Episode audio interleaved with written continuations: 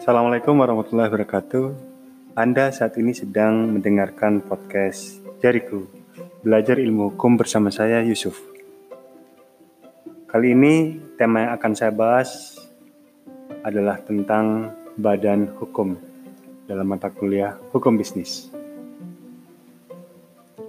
Dalam hukum, subjek hukum adalah orang.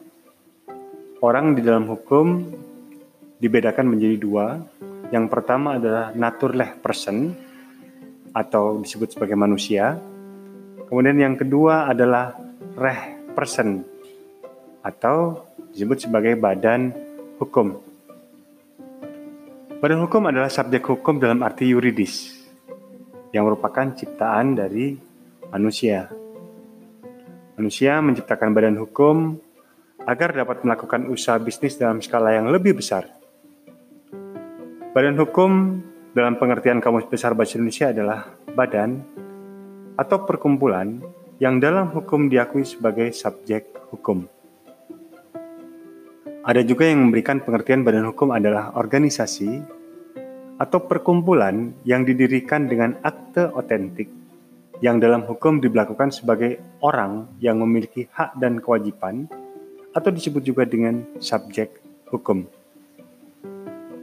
Alasan badan hukum disamakan dengan manusia karena badan hukum dapat memiliki harta kekayaan sendiri dan dapat pula kehilangan harta kekayaannya serta dapat pula digugat dan menggugat di pengadilan. Nah, alasan hak dan kewajiban yang sama dengan manusia ini yang membuat badan hukum dianggap sama seperti manusia di mata hukum. Ada dua jenis badan hukum. Yang pertama adalah Badan Hukum Publik. Badan Hukum Publik adalah badan hukum yang mengatur hubungan antara negara dengan warga negara atau aparat negara dengan warga negara dan selalu menyangkut kepentingan umum. Badan hukum publik ini didirikan berdasarkan dengan hukum publik. Contohnya negara, pemerintah daerah, Bank Indonesia, dan lain sebagainya. Yang kedua, badan hukum private Badan hukum privat adalah badan hukum yang mengatur hubungan privat, hubungan individu antara badan hukum dengan badan hukum antara atau antara badan hukum dengan manusia. Badan hukum privat didirikan berdasarkan hukum privat atau hukum perdata atau perkumpulan manusia yang bergabung bersama untuk mengadakan kerjasama mendirikan suatu badan usaha dengan syarat-syarat yang ditentukan oleh undang-undang. Badan hukum privat dapat didirikan untuk bertujuan mencari profit. Dalam artian dasarnya adalah profit oriented. Dan ada juga yang didirikan dengan tujuan non-profit atau non-material. Di Indonesia, bentuk-bentuk badan usaha atau business organization beraneka ragam dan sebagian besar merupakan peninggalan Belanda. Kali ini kita akan masuk ke dalam teori-teori badan hukum mengapa badan hukum dapat disamakan dengan manusia. Yang pertama adalah teori fiksi. Menurut teori dari Van Satigny, badan hukum semata-mata buatan negara saja.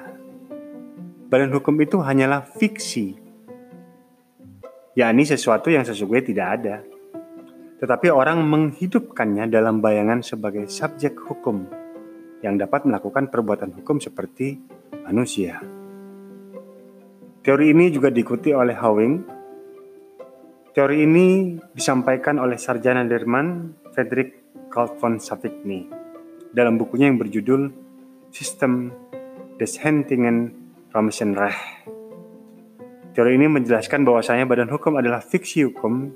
Dalam teori ini diungkapkan mereka diakui keberadaannya, badan hukum ya, dalam artian mereka diakui keberadaannya, tetapi bukan suatu pribadi nyata yang dinyatakan oleh hukum yang dianggap sebagai orang. Maksudnya hanya manusialah yang menjadi subjek hukum, sedangkan badan hukum sebagai subjek hukum hanyalah fiksi, yaitu sesuatu yang sebenarnya tidak ada tetapi orang menghidupkannya dalam bayangannya. Badan hukum tersebut diciptakan negara atau pemerintah yang wujudnya tidak nyata untuk menerangkan suatu hal. Dengan kata lain sebenarnya menurut alam, manusia selalu subjek hukum. Tetapi orang menciptakan dalam bayangannya, badan hukum selalu subjek hukum diperhitungkan sama dengan manusia. Jadi orang-orang bersikap seolah-olah ada subjek hukum lain. Tetapi wujud yang tidak real ini tidak dapat melakukan perbuatan-perbuatan. Sehingga yang melakukan ialah manusia sebagai wakil-wakilnya. Dalam teori kedua adalah teori harta kekayaan bertujuan. Menurut teori ini, hanya manusia saja yang dapat menjadi subjek hukum. Namun, kata teori ini ada kekayaan yang bukan merupakan kekayaan seseorang, tetapi kekayaan itu terikat tujuan tertentu. Kekayaan-kekayaan seseorang yang tidak dapat atau yang tidak ada yang mempunyai dan yang terikat dan tujuan tertentu tersebut diberi nama Badan Hukum. Teori ini dikemukakan oleh sarjana Jerman Brins dan diikuti oleh Van der Heyden dalam bukunya yang berjudul Rechtber dan der Pendekten. Teori ini menjelaskan bahwa badan hukum hanyalah sebagai badan dengan kepentingan tertentu, dan manusialah yang menjadi subjek murni dari hukum. Menurut Penganut teori ini, hanya manusia yang dapat dianggap sebagai orang. Hukum bagaimanapun juga melindungi tujuan-tujuan lain selain memperhatikan tujuan manusia. Harta kekayaan yang dimiliki oleh perusahaan bukanlah milik setiap orang, tetapi dianggap sebagai kepemilikan untuk tujuan yang pasti dan merupakan perlengkapan perusahaan yang melindungi tujuan-tujuan tersebut. Teori ini disebut juga teori Zweig Vermogen. Teori ketiga adalah teori kekayaan bersama. Teori ini disampaikan oleh sarjana Jerman Van Jering yang kemudian diikuti oleh Apeldoorn. Teori ini menjelaskan bahwa badan hukum tidak lain merupakan perkumpulan manusia yang mempunyai hak dan kewajiban masing-masing.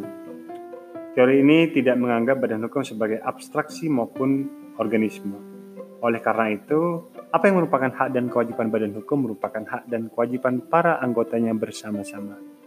Begitu juga kekayaan badan hukum adalah milik bersama. Jadi tidak boleh dibagi-bagi. Karena itu, badan hukum merupakan suatu konstruksi yuridis saja.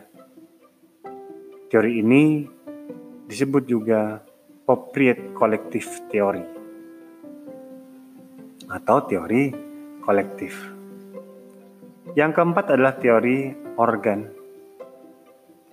Badan hukum menurut teori ini bukan abstrak atau fiksi dan bukan kekayaan hak yang tidak bersubjek. Tetapi badan hukum adalah suatu organisme yang real yang menjelma sungguh-sungguh dalam pergaulan hukum yang dapat membentuk kemauan sendiri dengan perantaran alat-alat yang ada padanya seperti pengurus, ketua, bendahara, sekretaris, ya, dan anggota-anggotanya seperti manusia biasa yang mempunyai panca indera dan sebagainya. Pengikut teori ini, teori organ ini adalah Polano, kemudian dikemukakan juga oleh Otto von Guericke dalam bukunya yang berjudul Das Deutsche Genossenrecht. Teori ini menjelaskan bahwa badan hukum itu terbentuk menjelma dalam pergaulan hukum dan bisa memenuhi kehendak dari kepengurusan-kepengurusan tadi atau alat-alat tadi. Alat-alat atau organ tersebut misalnya anggota atau pengurus mengucapkan kehendak dengan perantara mulutnya atau dengan tangannya. Jika kehendak tersebut ditulis di atas kertas seperti halnya organ tubuh manusia sehingga menurut teori ini badan hukum itu nyata, ada. Contohnya ya kepengurusan ketua, bendahara, sekretaris, seperti layaknya organ-organ dalam manusia, kepala, leher, tubuh, tangan, kaki. Berarti teori organ ini menyamakan badan hukum sama seperti organ pada manusia. Yang kelima adalah teori kenyataan. Dikatakan bahwa badan hukum itu merupakan suatu hal yang konkret, real, walaupun tidak bisa diraba, bukan hayalan, tetapi kenyataan yuridis. Teori ini disampaikan oleh Mayer sarjana hukum Belanda ya, lalu dianut oleh Paul Scholten. Menurut teori ini, badan hukum adalah wujud yang real dan konkret seperti halnya manusia, meskipun tidak bisa diraba. Menekankan bahwa kehendaknya adalah mempersamakan badan hukum dengan manusia terbatas sampai pada bidang hukum saja. Teori ini adalah penghalusan dari teori organ. Mayer sendiri menyebut teori ini sebagai teori kenyataan sederhana. Karena hendaknya persamaan yang diberikan pada manusia dan badan hukum itu hanya terbatas di bidang hukum saja. Berarti sudah ada bayangan gambaran bahwa dari mana asal muasal munculnya badan hukum disamakan seperti manusia.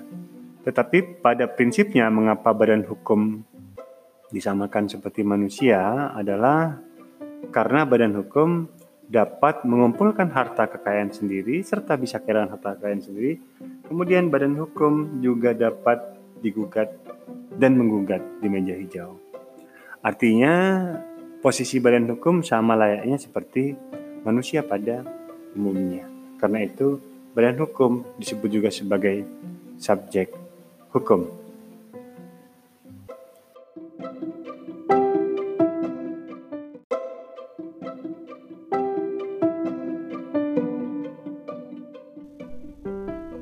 Saya lanjut pada badan usaha berbentuk badan hukum.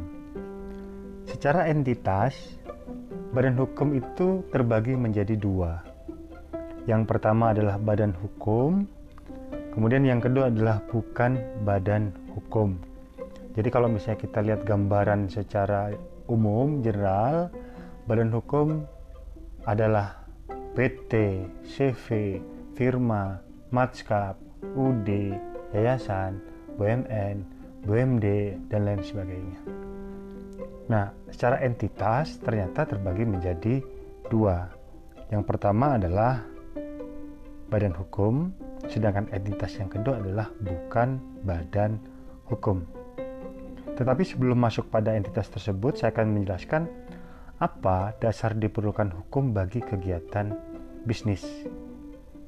Yang pertama, Dasar diperlukannya hukum bagi kegiatan bisnis adalah untuk memberikan kepastian hukum. Kemudian yang kedua, untuk memberikan kesebandingan hukum. Yang ketiga, untuk melindungi kepentingan para pihak. Jadi, badan usaha tersebut disebut juga sebagai perkumpulan. Tetapi ada unsur-unsur yang harus masuk jika sesuatu itu disebut sebagai perkumpulan. Unsur pertama adalah adanya kepentingan bersama. Kemudian yang kedua adanya kehendak bersama. Ketiga, harus memiliki tujuan. Dan keempat, adanya unsur kerjasama yang jelas. Sehingga jika empat unsur itu terpenuhi, maka dapat disebut sebagai perkumpulan. Badan hukum secara etimologi berasal dari bahasa Belanda, yaitu reh person.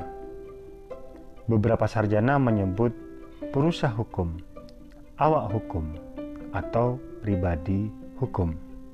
Sedangkan istilah resmi yang digunakan dalam beberapa peraturan di Indonesia adalah badan hukum. Badan usaha yang berbentuk badan hukum persiuran terbatas adalah badan hukum. Persiuran terbatas sering disingkat dengan sebutan PT. Biasa disebut juga sebagai perusahaan hukum, awak hukum, atau pribadi hukum. Istilah PT berasal dari bahasa Belanda, yaitu Namlus Vennootschap atau NV Kemudian ketentuan tentang persiruan terbatas diatur dalam Undang-Undang Nomor 40 Tahun 2007 tentang perseroan terbatas. Mengapa diberi nama perseroan terbatas? Kata sero itu adalah saham.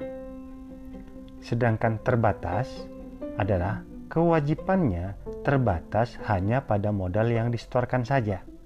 Jadi tidak sampai kepada harta kekayaan pribadinya. Inilah nanti yang akan menjadi dasar penentu pembeda antara entitas badan hukum dan entitas bukan badan hukum.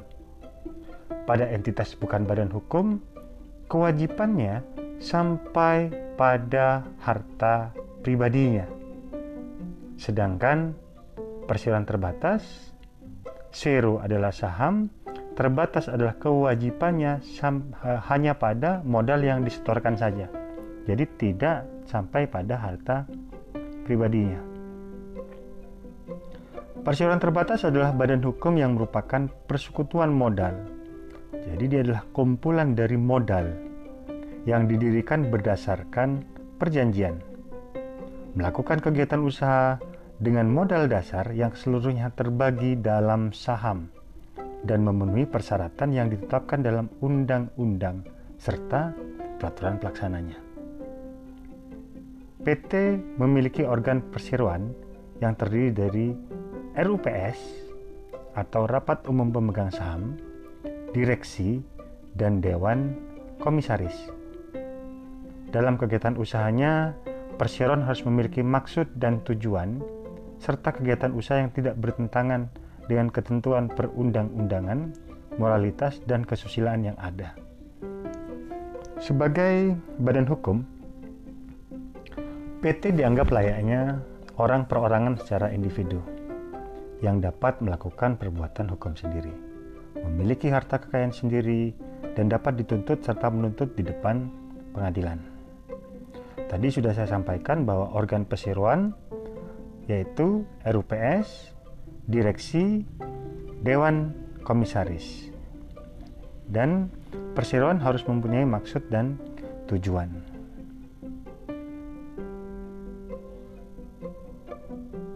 Berikutnya tentang bukan badan hukum. Yang pertama adalah entitas bukan badan hukum yaitu perusahaan perorangan. Perusahaan perorangan adalah perusahaan yang dimiliki oleh seseorang langsung yang memimpin perusahaan tersebut.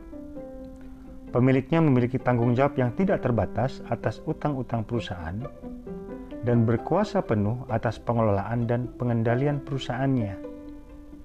Tanggung jawab tidak terbatas ini artinya orang tersebut atau pemilik bertanggung jawab atas kewajiban atau utang-utangnya dengan dengan mengorbankan modal yang dimasukkannya ke dalam perusahaan tersebut dengan seluruh harta kekayaan pribadinya.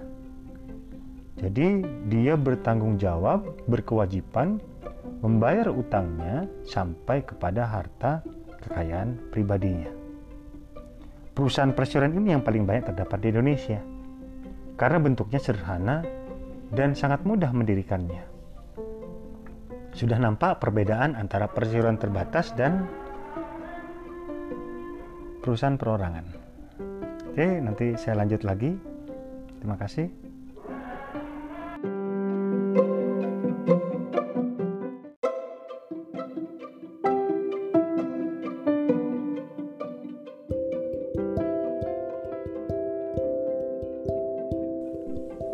Saya lanjut kepada entitas bukan badan hukum. Tadi terakhir sudah nampak perbedaan antara perseroan terbatas dan perusahaan persorangan. Kemudian selanjutnya ada lagi perusahaan persekutuan atau biasa disebut sebagai watskap. Perusahaan persekutuan adalah perusahaan swasta yang didirikan dan dimiliki oleh beberapa orang pemilik modal secara kerjasama tapi tidak termasuk dalam kategori badan hukum yang berbadan hukum jadi tidak masuk dalam kategori badan usaha yang berbadan hukum. Rata-rata biasanya para pemodal terdiri dari sekutu aktif dan sekutu pasif. Sekutu aktif adalah sekutu yang bertanggung jawab memberikan modal atau uang dan tenaganya untuk kelangsungan perusahaan. Sedangkan sekutu pasif hanya menyetorkan modalnya saja.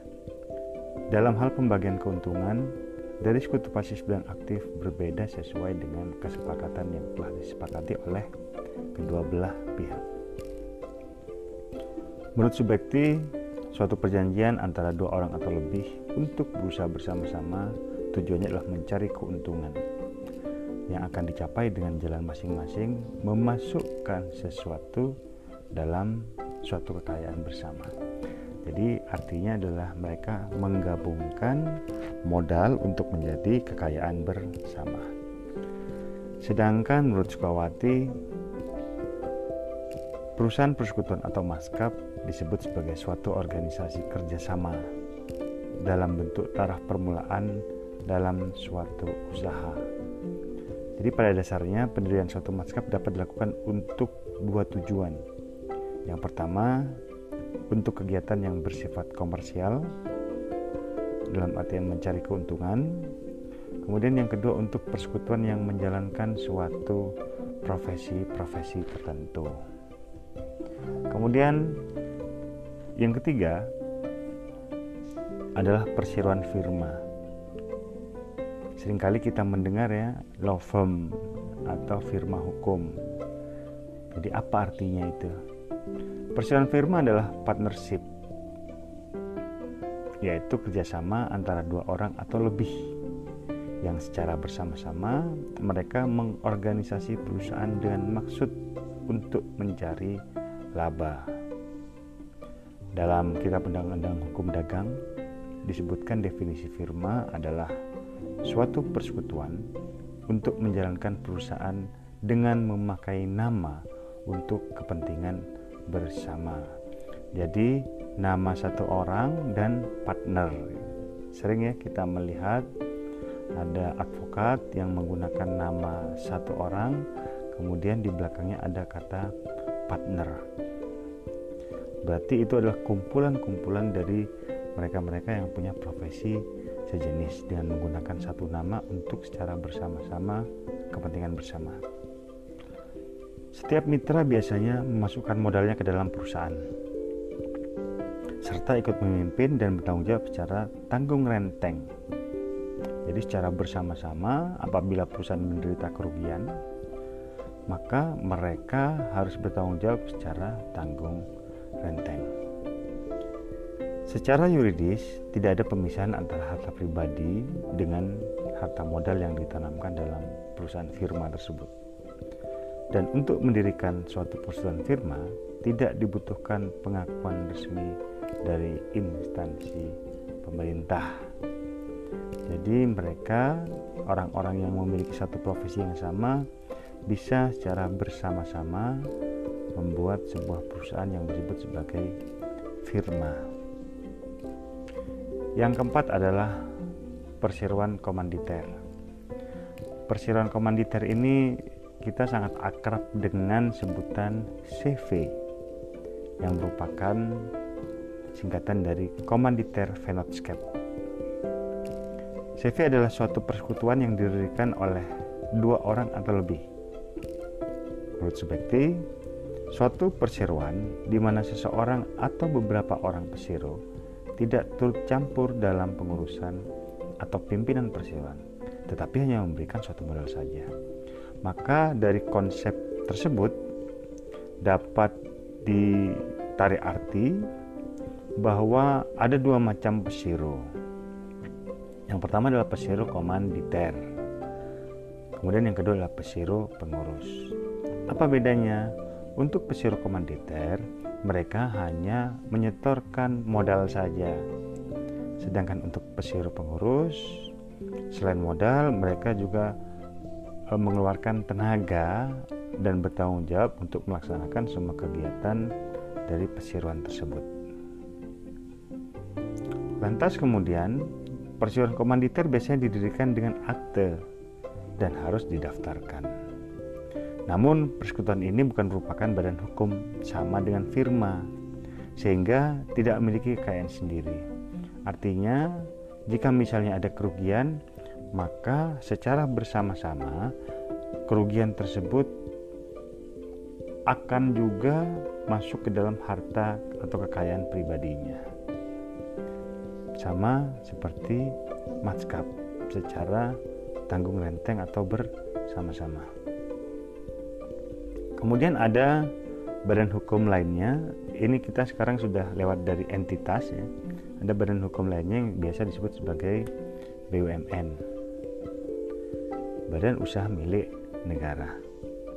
Diatur di dalam Undang-Undang Nomor 19 Tahun Di sana disebutkan pengertian bahwa BUMN adalah badan usaha yang seluruhnya atau sebagian besar modalnya dimiliki oleh negara melalui pernyataan secara langsung atau yang berasal dari kekayaan negara yang dipisahkan. BUMN dapat pula berupa perusahaan nirlaba yang bertujuan untuk menyediakan barang dan jasa bagi masyarakat. Jadi sekali lagi modal dari BUMN adalah kekayaan negara yang dipisah, berarti bukan dari APBN. Kemudian kita langsung masuk pada BMD. BMD ada uh, BMD merupakan singkatan dari Badan Usaha Milik Daerah. Ciri-cirinya dari Badan Usaha Milik Daerah ini adalah sebagai berikut. Yang pertama adalah pemerintah daerah memegang hak atas segala kekayaan dan usahanya. Berarti dikelola secara penuh oleh pemerintah daerah. Kemudian pemerintah daerah berkedudukan sebagai pemegang saham dalam pemodelan perusahaan jadi bukan pusat, tapi daerah lah yang menjadi pemegang saham dalam permodalan perusahaan. Lalu pemerintahan daerah memiliki wewenang dan kuasa dalam menetapkan kebijakan perusahaan tersebut. Dan juga pengawasan dilakukan alat pelengkap negara yang berwenang. Tujuannya juga yang utama mencari kepentingan, mencari keuntungan selain melayani kepentingan umum. Kemudian kita masuk pada yayasan. Yayasan adalah suatu badan hukum. Ini di luar entitas ya. Kalau entitas tadi sudah selesai, entitas tadi badan usaha itu secara entitas ada yang berbadan hukum dan ada entitas bukan badan hukum. Pembedanya tadi sudah jelas bahwa entitas badan hukum kekayaannya itu eh, sampai kepada jika misalnya terjadi kerugian ya sampai kepada modal yang disetorkan saja. Jadi tidak masuk ke kekayaan pribadinya. Sedangkan entitas bukan badan hukum jika terjadi kerugian maka kerugian tersebut harus ditanggung sampai dengan kekayaan pribadinya. Pembedanya ada di sana. Nah, kita lepas saat ini sudah dari entitas tersebut. Kita masuk pada yayasan. Suatu badan hukum yang mempunyai maksud dan tujuan bersifat sosial, keagamaan, dan kemanusiaan. Jadi, yayasan diatur di dalam Undang-Undang Nomor 16 Tahun 2001 tentang yayasan, kemudian diperbarui lagi dalam Undang-Undang Nomor 28 Tahun 2004 tentang perubahan atas undang-undang yang tadi tersebut. Kemudian ada beberapa organ-organ di dalam yayasan.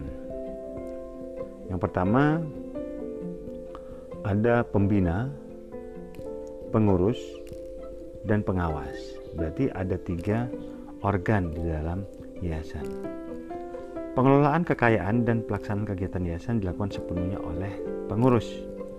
Maka pengurus wajib membuat laporan tahunan yang disampaikan kepada pembina mengenai keadaan keuangan dan perkembangan kegiatan dari yayasan tersebut. Kemudian selanjutnya organ berikutnya pengawas memiliki tugas melakukan pengawasan serta memberi nasihat kepada pengurus dalam menjalankan kegiatan yayasan. Pembina adalah organ yayasan yang mempunyai kewenangan yang tidak diserahkan kepada pengurus atau pengawas. Undang-undang mengatur hal tersebut. Pembina yaitu persorangan sebagai pendiri. Sekali lagi, untuk menjadi pembina, mereka haruslah perseorangan sebagai pendiri atau mereka yang berdasarkan keputusan rapat anggota pembina dinilai mempunyai dedikasi yang tinggi untuk mencapai maksud dan tujuan yayasan. Jadi ada dua pilihan tadi. Yang pertama, seorang pembina itu pendiri atau mereka yang dianggap memiliki dedikasi yang tinggi untuk mencapai maksud dan tujuan dari yayasan. Pembina memiliki kewenangan, yaitu yang pertama adalah keputusan mengenai perubahan anggaran dasar. Kemudian kedua, pengangkatan dan pemberhentian anggota pengurus dan anggota pengawas. Ketiga, penetapan kebijakan umum yayasan berdasarkan anggaran dasar yayasan. Keempat, pengesahan program kerja dan rancangan anggaran tahunan yayasan. Serta yang kelima, penetapan keputusan mengenai penggabungan dan pembubaran yayasan. Itu adalah kewenangan-kewenangan dari pembina. Sedangkan pengurus, mereka adalah perseorangan yang melaksanakan kepengurusan yayasan dan yang mampu melakukan perbuatan hukum. Sama seperti organ ya, pengurus terdiri dari ketua, sekretaris, dan bendahara. Kemudian organ yang ketiga ya, yaitu pengawas. Pengawas adalah organ yang bertugas melakukan pengawasan serta memberikan nasihat kepada pengurus dalam menjalankan kegiatan yayasan. Maka pengawas dapat memberhentikan pengurus dan secara langsung juga turut bertanggung jawab secara renteng jika terjadi kerugian. Maka jika terjadi kerugian itu yang bertanggung jawab secara renteng itu ada dua. Yang pertama adalah pengurus, kemudian dan pengawas. Bagaimana dengan modal atau kekayaan yayasan? Dapat dari mana saja? Ada berbagai macam eh, modal atau kekayaan yayasan. Yang pertama adalah sumbangan atas bantuan yang tidak mengikat. Jadi sumbangan-sumbangan yang tidak mengikat. Kemudian yang kedua adalah wakaf, hibah atau hibah wasiat. Dan yang terakhir adalah perolehan lain yang tidak bertentangan dengan anggaran dasar yayasan atau peraturan perundang-undangan yang berlaku. Kemudian badan hukum berikutnya adalah koperasi. Kita sudah sering ya Koperasi adalah badan hukum yang sudah tidak asing lagi, sering mendengar koperasi. Koperasi adalah organisasi bisnis yang dimiliki dan dioperasikan uh, atau dioperasionalkan oleh orang seorang demi kepentingan bersama. Koperasi ini melandaskan kegiatan berdasarkan prinsip gerakan ekonomi rakyat yang berdasarkan asas kekeluargaan dan yang membedakan koperasi dari badan usaha lainnya adalah yang pertama adalah unsur para pihaknya unsur para pihaknya. Jadi unsur para pihak dari koperasi ini adalah anggota. Unsur tujuannya koperasi ini adalah untuk mensejahterakan anggota tersebut dari unsur para pihak tadi. Jadi berbeda lagi pencarian keuntungannya kalau misalnya di badan badan badan usaha lainnya mereka mencari keuntungan dan keuntungan tersebut masuk ke dalam kekayaan perusahaan tersebut Sedangkan pada koperasi, salah satu tujuannya adalah untuk mensejahterakan anggotanya. Itu adalah salah satu tujuan dari koperasi. Kemudian unsur modalnya. Ada simpanan-simpanan, simpanan pokok, simpanan wajib, simpanan sukarela ya, yang wajib harus diberikan oleh para anggota-anggotanya kepada koperasi tersebut. Dan yang terakhir, pada konsep koperasi yang membedakan dengan badan usaha lainnya adalah adanya SHU atau sisa hasil usaha di mana anggota yang memiliki keaktifan yang tinggi dia akan mendapatkan nilai SHU yang lebih tinggi dibandingkan dengan yang lainnya. Jadi bukan banyaknya modal atau besarnya modal yang dimasukkan kepada koperasi tersebut atau perusahaan tersebut berbeda dengan konsep perusahaan pada umumnya yang lain tadi kalau perusahaan yang um, yang yang lain tadi itu keuntungan dari si pemegang saham semakin banyak mereka memasukkan modalnya maka secara otomatis pembagian laba atau dividennya juga akan semakin banyak.